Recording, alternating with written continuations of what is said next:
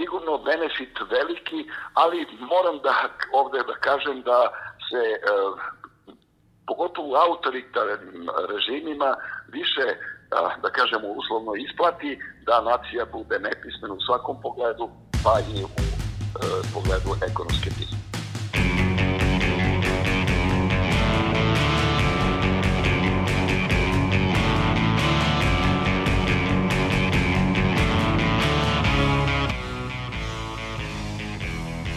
Slušate podcast Reaguj, nezavisnog društva novinara Vojvodine. Moje ime je Iva Gajić, na podcastu rade i Aleksandra Pučko, Sanja Đorđević, Irina Čučković i Nemanja Stevanović. Kraj je godine. Sumiramo utiske, mnogi čekaju da ovu 2020. i isprate zbog svega što nam je donela, u nadi da će nam se više planova ostvariti u sledećoj. Ili da makar neće biti kao ova. Kad smo kod sumiranja i planova, da li pratite šta se dešava u Skupštini? Ili smo svi najvećim delom okupirani informacijama o COVID-u? Tako ne bi trebalo da bude, jer trenutno COVID nije jedina stvar o kojoj se pričalo u parlamentu. Tako je Iva. Godina se završava kraju, što je i vreme kada se pored praznika formiraju i budžeti na lokalnom i državnom nivou. Iako je jedan od važnijih događaja u društveno-političkom životu, građanima neretko informacija o novom budžetu ne nosi nikakvu vrednost. Važno je da građani poznaju strukturu budžeta i na koji način se on puni, jer dobrim delom ga oni i finansiraju, od poreza i doprinosa od njihovih zarada do različitih taksi na lokalnom ili republičkom nivou. U kojoj meri oni zapravo poznaju budžet razlikuje se od sredine do sredine. To može zavisiti i od angažmana građanskih inicijativa na lokalu, navodi finansijski forenzičar Vojvođanskog istraživačko-analitičkog portala Voice Miloš Katić. Građanske inicijative imaju veliku zaslužnu ulogu u svemu tome, ali da je to primetno u većim gradovima gde su te građanske inicijative e, mnogo aktivnije, jer su one te koje u suštini najviše zastupaju i u stvari su taj glas građana koji radi neku vrstu monitoringa potrošnje tih sredstava, dok kada odemo u neke manje lokalne sredine i manje opštine, mislim da građani nisu prvo informisani u dovoljnoj meri, drugo edukovani i da nemaju tu vrstu sposobnosti da e, kontrolišu u stvari trošenje, trošenje sredstava i da nemaju kome da se obrate e, i, i kao za pomoć u tom smislu ko će da ih edukuje e, o tome. Za informisanje, a delom i edukaciju koju Katić pominje i mediji su zaslužni. A upravo o izuzetno važnom događaju kao što je donošenje budžeta se nedovoljno govorilo i u medijima, navodi novinar Nove ekonomije Mija Tlakićević. Ja mislim zapravo kada se kada a, pogledam medijsku sliku, što bi se rekao, pre svega sad tu imamo u vidu štampane medije, ja mislim da se mogu naći, mogu se naći novine koje, da kažem, korektno izveštavaju o tim temama. Više mi se tu čini da je problem, da kažem, u tom nekom da kažem, društvenom ambijentu koji onda ekonomske teme stavlja u drugi plan. Evo recimo vi ste imali sad ovo kad je bila skupština i razgovor o budžetu, dakle vi ste e, znači, jednu par excellence ekonomsku temu, govorilo se više o svemu drugome, najmanje se govorilo o budžetu. Najmanje se govorilo o tome šta on, šta on donosi, šta on predstavlja. Znači tu su opet bile razne političke tirade koje sa samom temom nisu imale nikakve, nikakve veze. Nepoznavanje, odnosno nezainteresovanost građana za svoj novac može eskalirati korupcijom koji je ozbiljni društveni problem i jedan od glavnih faktora zašto siromašne zemlje ostaju siromašne. Saška je razgovarala sa Rankom Ivanovskom, istraživačkom novinarkom koja za Voice prati tokove novca na lokalnom nivou. Saška, koliko je zapravo komplikovano pratiti korišćenje javnih resursa? Tako je, Sanja. Ne samo da siromašne države takve i ostaju zbog korupcije, već ona dovodi do sve većih i očiglednih klasnih razlika između građana, ili ti bogatih i elite, i građanstva. A Ivanovska objašnjava da i njoj, koja je u materiji, često ne bude sve jasno kada su u pitanju tokovi javnog novca i mora da traži savete od stručnjaka. Zato kaže da je to običnom građanu još teže. Zapravo, ona kaže da je to i logično, jer se rebalansi budžeta dešavaju nekoliko puta godišnje i to treba dobro ispratiti koliko je novca u kojoj liniji, šta je planirano, ispunjeno, preraspoređeno. Sve te linije i izveštaji su često previše stručno napisani i potrebna je analiza osobe koja se zato školovala. tokove novca u tom nekom javnom sektoru, znači kada je u pitanju odnos građani država je zapravo jako, jako teško. To je negde posao ljudi koji su stručni, to bi trebalo da rade poreski inspektori, tužilaštva, znači pojedinci i institucije koji su se školovali za to. A novinari to po defaultu moraju da savladaju na neke instant načine, da se povezuju sa nekim drugim stručnim pojedincima putem nekih poznanstava. Ja imam recimo konsultante u tom smislu, da poznajem ljude koji su ekonomisti, koji su bankari, koji su poreski inspektori, pa za neke stvari moram da pitam. Jedan e, građanin koji je lajk, a koji bi trebao jako da se brine kada je u pitanju kako se troše njegovi novci, to jako teško može da prati. Iako lokalne samouprave, na primer, pošto je to neki odnos kojim se ja bavim, objavljuju budžete, objavljuju rebalanse, postoji ta neka obaveza da to bude online dostupno. Pitanje je koliko građana koji uredno plaćaju porez, imaju pristup internetu, koliko njih zna da ode na tu stranicu na zvaničnoj web prezentaciji i da iščita jedan izuzetno komplikovan dokument. S obzirom da ja nisam ekonomista, ja ne znam da li to mora da bude tako komplikovano napravljeno, ali mislim da građani kao takvi teško mogu da prate kako se novac zaista troši. Nije ni posao građana da pregledaju sve izveštaje i budžete i da traže korupciju. Zadatak novinara je da obaveste javnost i ukažu na slučajeve moguće korupcije, navodi finansijski forenzičar Vojsa Miloš Katić. Novinari izveštavaju u, u javnom interesu i svakako je potrošnja budžeta jedna od stvari koja se tiču javnog interesa. Međutim, novinari ne mogu ništa više od toga da urade osim da eventualno istraže neku zloupotrebu tog novca, objave o trošenju tih, tih sredstava e, kako bi približili građanima. E sad, nastavak toga je u stvari najdiskutabilniji šta će građani učiniti na osnovu tog saznanja koje su dobili iz medija. I mislim da u tom delu e, na, bi trebalo da građanske inicijative u stvari imaju tu važnu ulogu u, u društvu o produžetku recimo objavljenih istraživačkih tema od strane novina. Ali upravo to praćenje novca jeste veliki korak bliže ka suzbijanju korupcije, smatra Ivanovska. Moj utisak je da jedini način da sprečavamo korupciju je da i novinari kao nekolicina medija i novinara budemo konstantno budni nad tom činjenicom gde je naš novac, kako ste ga potrošili, zašto ga sada nema ovde i zašto ga ima tamo. Ta vrsta neke kontrole bi zapravo uozbiljila i one koji su trenutno izabrani direktno od građana da upravljaju tim istim sredstvima. Ovako zapravo se sve to svodi na neka pojedinačna, ciljana istraživanja gde novinari dolaze do određenih saznanja prepoznamo neki šablon, taj šablon se verovatno dešava u 90% opština u Srbiji i sve se to svede na priču od tri dana.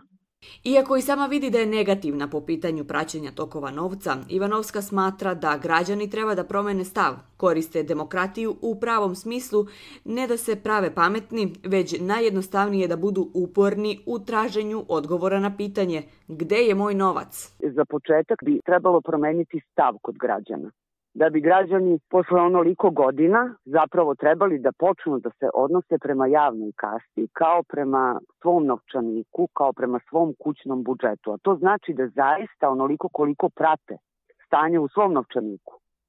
Na isti taj način treba da imaju pažnju i interesovanje, kao što pitaju svog supružnika, članove domaćinstva, gde ste potrošili onaj novac koji smo stavili u kasicu za crne dane, tako isto bi trebali da pitaju one koji raspoređuju njihovim novcem.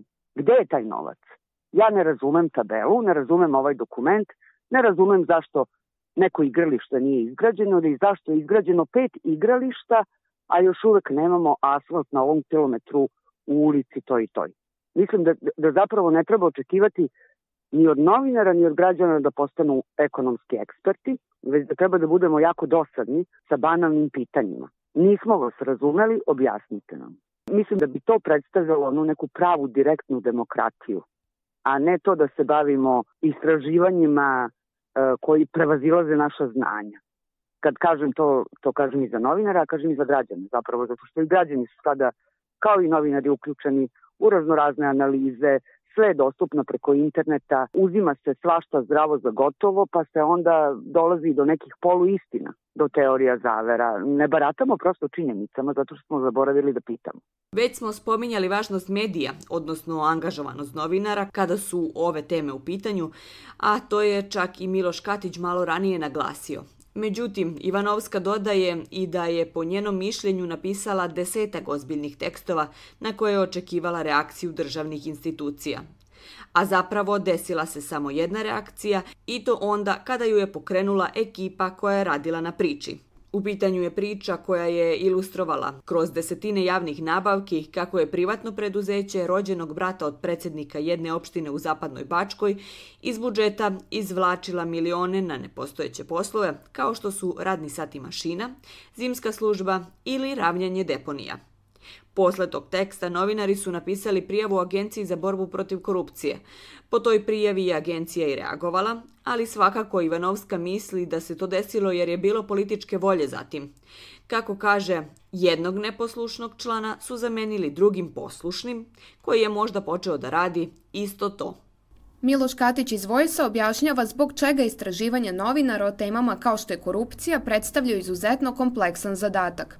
Jedna od otežavajućih okolnosti je finansijski aspekt, jer su neophodna novčana sredstva koja bi obezbedila kontinuitet ovakvih istraživanja. Takođe, kaže da su građani prestali da reaguju na slučajeve korupcije.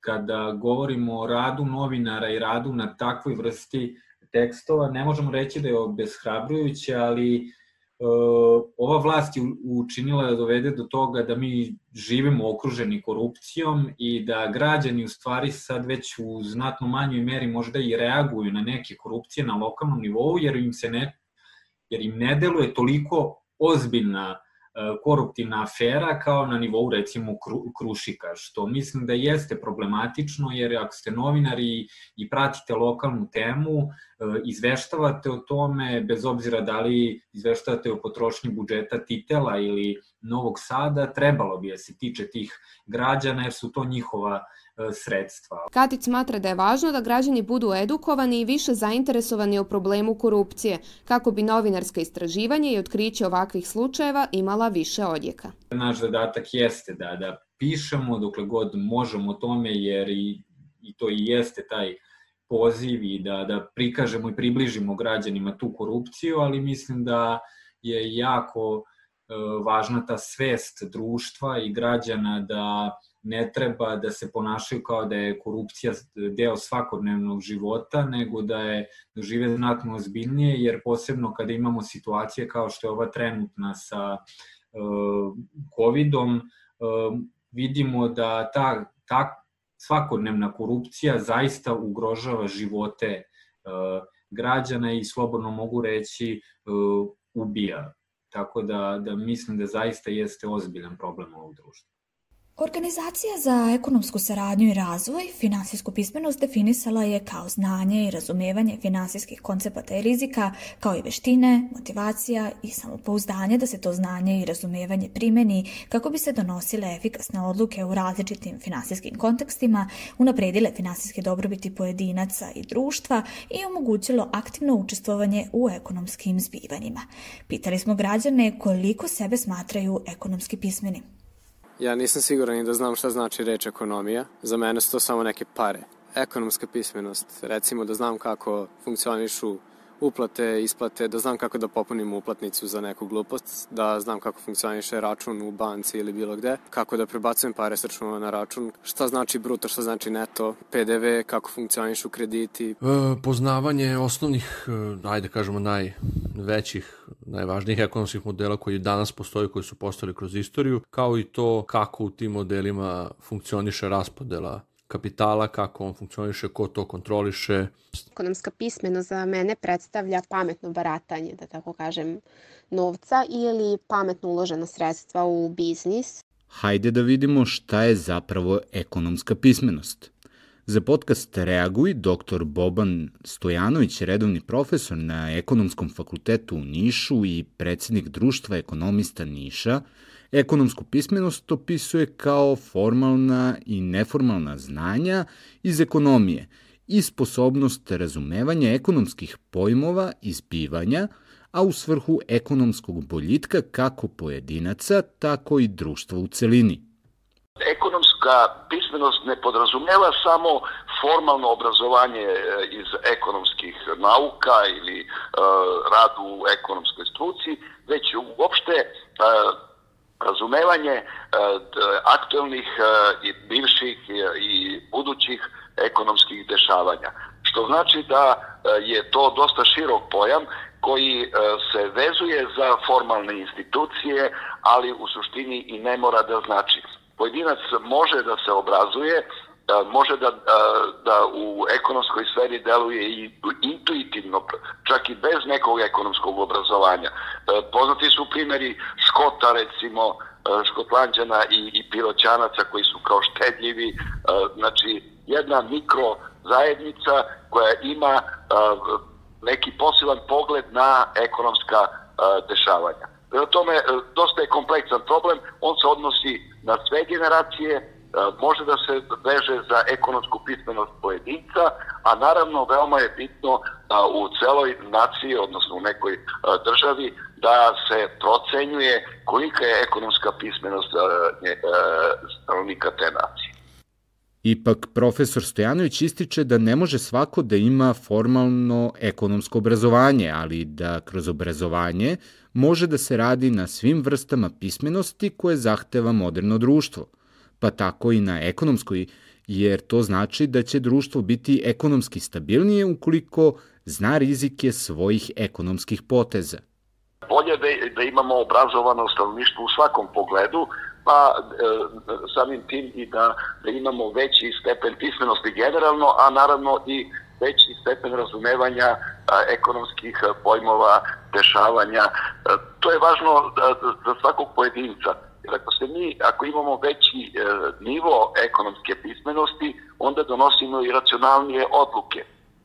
Ta, ta racionalnost na mikronivou, znači na nivou pojedinca ili porodice, se naravno reflektuje i na opšte ekonomsko blagostanje nacije. Prema tome, e, važi sigurno, e, ne mora da, da ni, ni čitamo neke analize, ali Nemci, e, nemačka nacija se racionalnije ponaša od recimo mediteranskih nacija i zbog toga i beleži i bolje ekonomske rezultate i veći stepen, da kažemo, društvenog blagostanja.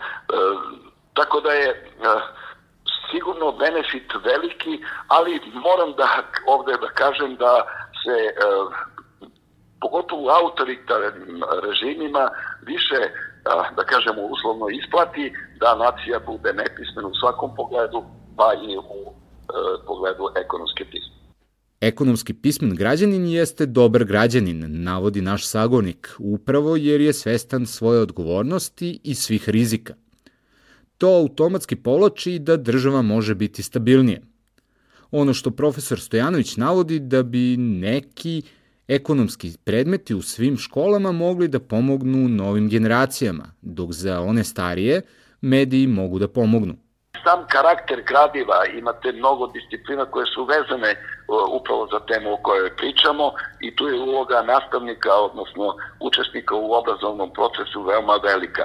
Da e, ja sam i rekao kod definicije ekonomskog ekonomske pismenosti da je to znanje, ali i sposobnosti uh, primene tog znanja u konkretnim situacijama, uzimanje kredita, odlazak u shopping, uh, donošenje odluke o, o studiranju ili mnogo, mnogo tih situacija. Ali paralelno sa tim, znači onda obezbeđujemo neku perspektivu ako imamo sposobnije srednjoškolce ili uh, učenike osnovnih škola da se snalaze u različitim ekonomskim situacijama. Što se starije populacije tiče, uh, tu mediji, odnosno razne vrste ne, ne možemo očekivati neku edukaciju uh, o, iz uh, ove oblasti, ali bi moglo recimo kroz uh, razne uh, TV ili radio emisije, kroz e, novinske članke koje čitaju starije, e, pripadnici starije populacije, da se i oni e,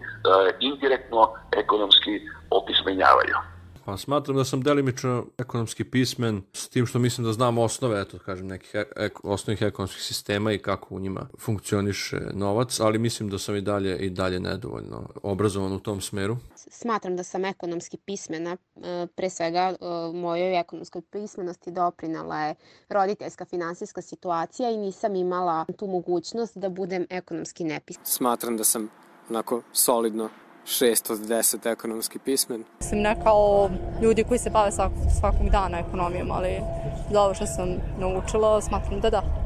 Iako mi ovde većim delom pričamo o budžetu lokalnih samouprava, praćenje i razumevanje budžeta nije jedina stvar koja čini nekoga ekonomski pismenim. Jedna od posledica neznanja finansijskih delovanja može da bude i nepoštovanje, odnosno neispunjavanje potrošačkih prava. Prava postoje, čak i u nekim slučajima veća su nego u Evropskoj uniji, međutim građani ne znaju kako da ih iskoriste, navodi Nenad Bumbić iz zaštite potrošača Beograd kompanije veoma zlopotrebljavaju u krajnjoj liniji, to na neki način radi i naša država, e, funkcionalno, ekonomsko i pravno nepismenost e, naših građana i građana. Mi u našem radu bukvalno se susrećemo sa tim da negde do polovine naše građane i građanke treba da učimo nekim potpuno elementarnim stvarima koje bi trebali da su da stekli, na primjer, toko, tokom školovanja.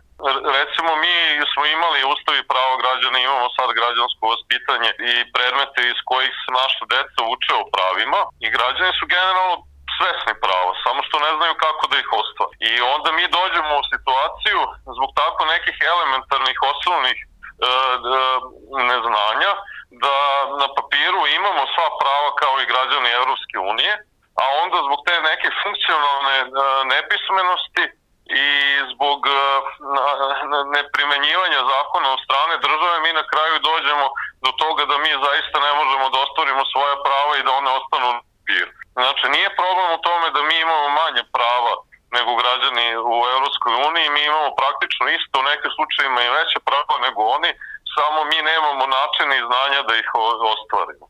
U ostvarivanju prava svako u lancu ima svoju ulogu. Uloga države je da obezbedi infrastrukturu, a uloga građana je da ponešto i o svojim pravima zna, navodi Bumbić.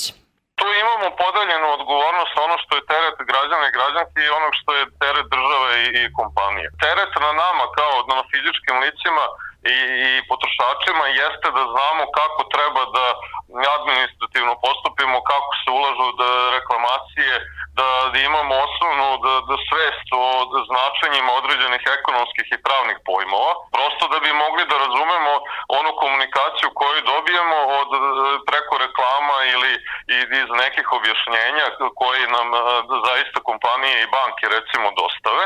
A onda ako vi ne razumete tu terminologiju, onda jako je to vama dostavljeno, ovo je da vi opet kad potpisujete nećete, nećete znati šta potpisujete. Tako da mi imamo da u tom delu da dužnost nas kao pojedinaca je jeste da se informišemo, da naučimo neke elementarne stvari kako pravni sistem funkcioniše, osnovne neke ekonomske pojmove, a kad mi to znamo, sve posle, posle na strani države. Jer recimo ne, ne mogu ja kao individua, kao jedna osoba da proverava, na primjer, da li je sastav proizvoda onakav kakav je naveden na faktu. Država treba da obezbedi da je zaista ono što piše na papiru, da je to to. A onda mi sa naše strane treba da obezbedimo da znamo u krajnjoj liniji kako se ulaže reklamacija, kako se obezbeđuje dokaz. Pa ekonomska pismenost bi trebalo da se uči naravno i kroz, i kroz obrazovni sistem, ali i kroz medije.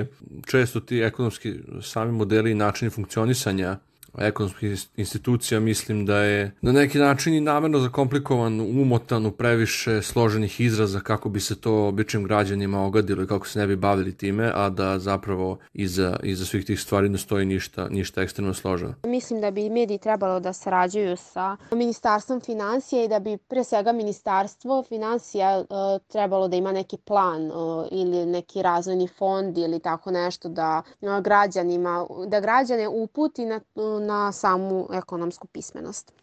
Finansijski forenzičar Vojsa Miloš Katić kaže gde se građani mogu informisati o načinu korišćenja budžeta u svojoj lokalnoj samoupravi.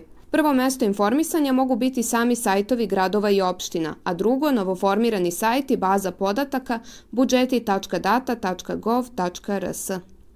Pa pre svega lokalne samouprave su u obavezi da svoje budžete objavljuju javno na, na stranicama uh, na opštinskim stranicama ili grad, gradskim upravama. To je, to je prva stvar. A druga stvar je u stvari e, baza podataka koja se, ja mislim, online pojavila krajem novembra, eto, relativno skoro, e, na kojoj se nalaze u stvari već e, budžeti oko 90 gradova i opština koji u, u formi otvorenih podataka i to je sigurno jedan veoma značajan iskorak kada govorimo o transparentnosti podataka i trošenju budžetskog novca, jer na jednom mestu imate sumirano 90 e, e, budžeta gde je razvrstano po prihodima i rashodima gde su budžeti razvrstani po prihodima i rashodima. Novinar portala Nova ekonomija Mijat Lakićević odgovornost okreće ka medijima, ali i političarima koji pod teme dana ne stavljaju obične svakodnevne probleme.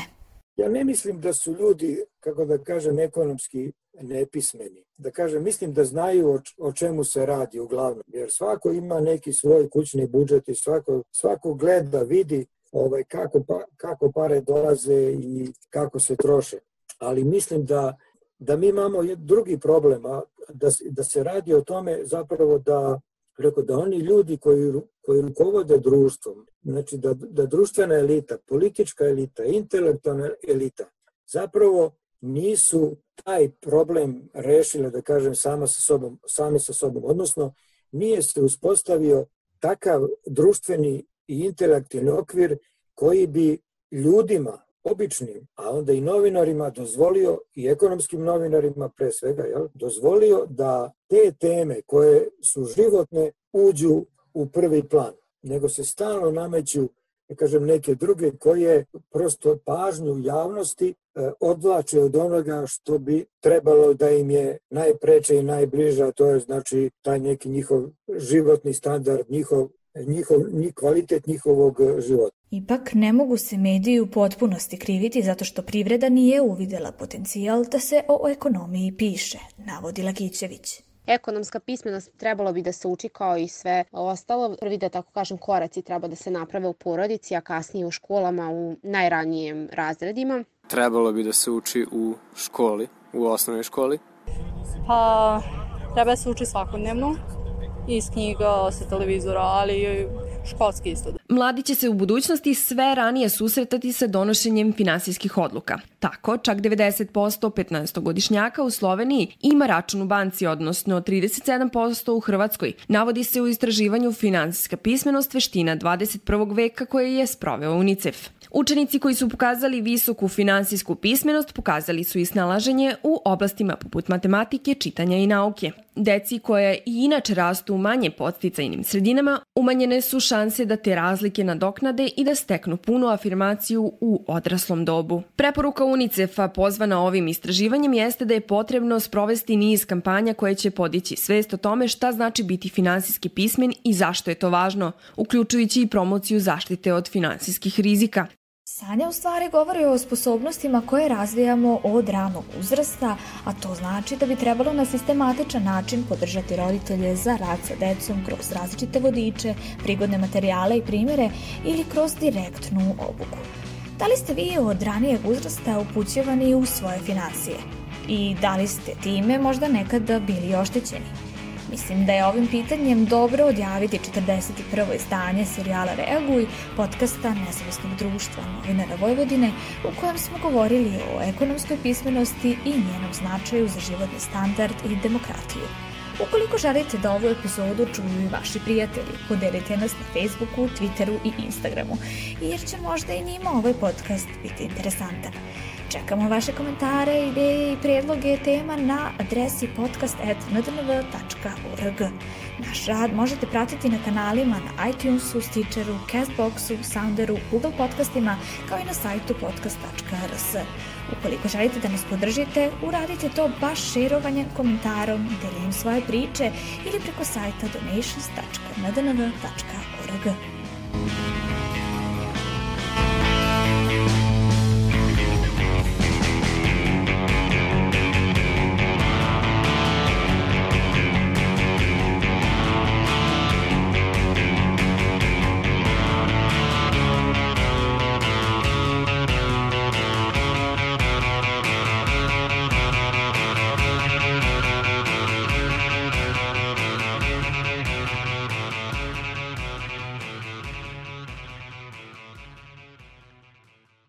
Ova epizoda podcasta Reaguj nastala je u okviru projekta Promocija medijske i informacijske pismenosti i jačanje nezavisnih medija na Zapadnom Balkanu koji sprovodi Novosadska novinarska škola uz podršku ambasade Velike Britanije u Beogradu. Stavovi iskazani u podcastu ne odražavaju nužno i stavove vlade Velike Britanije.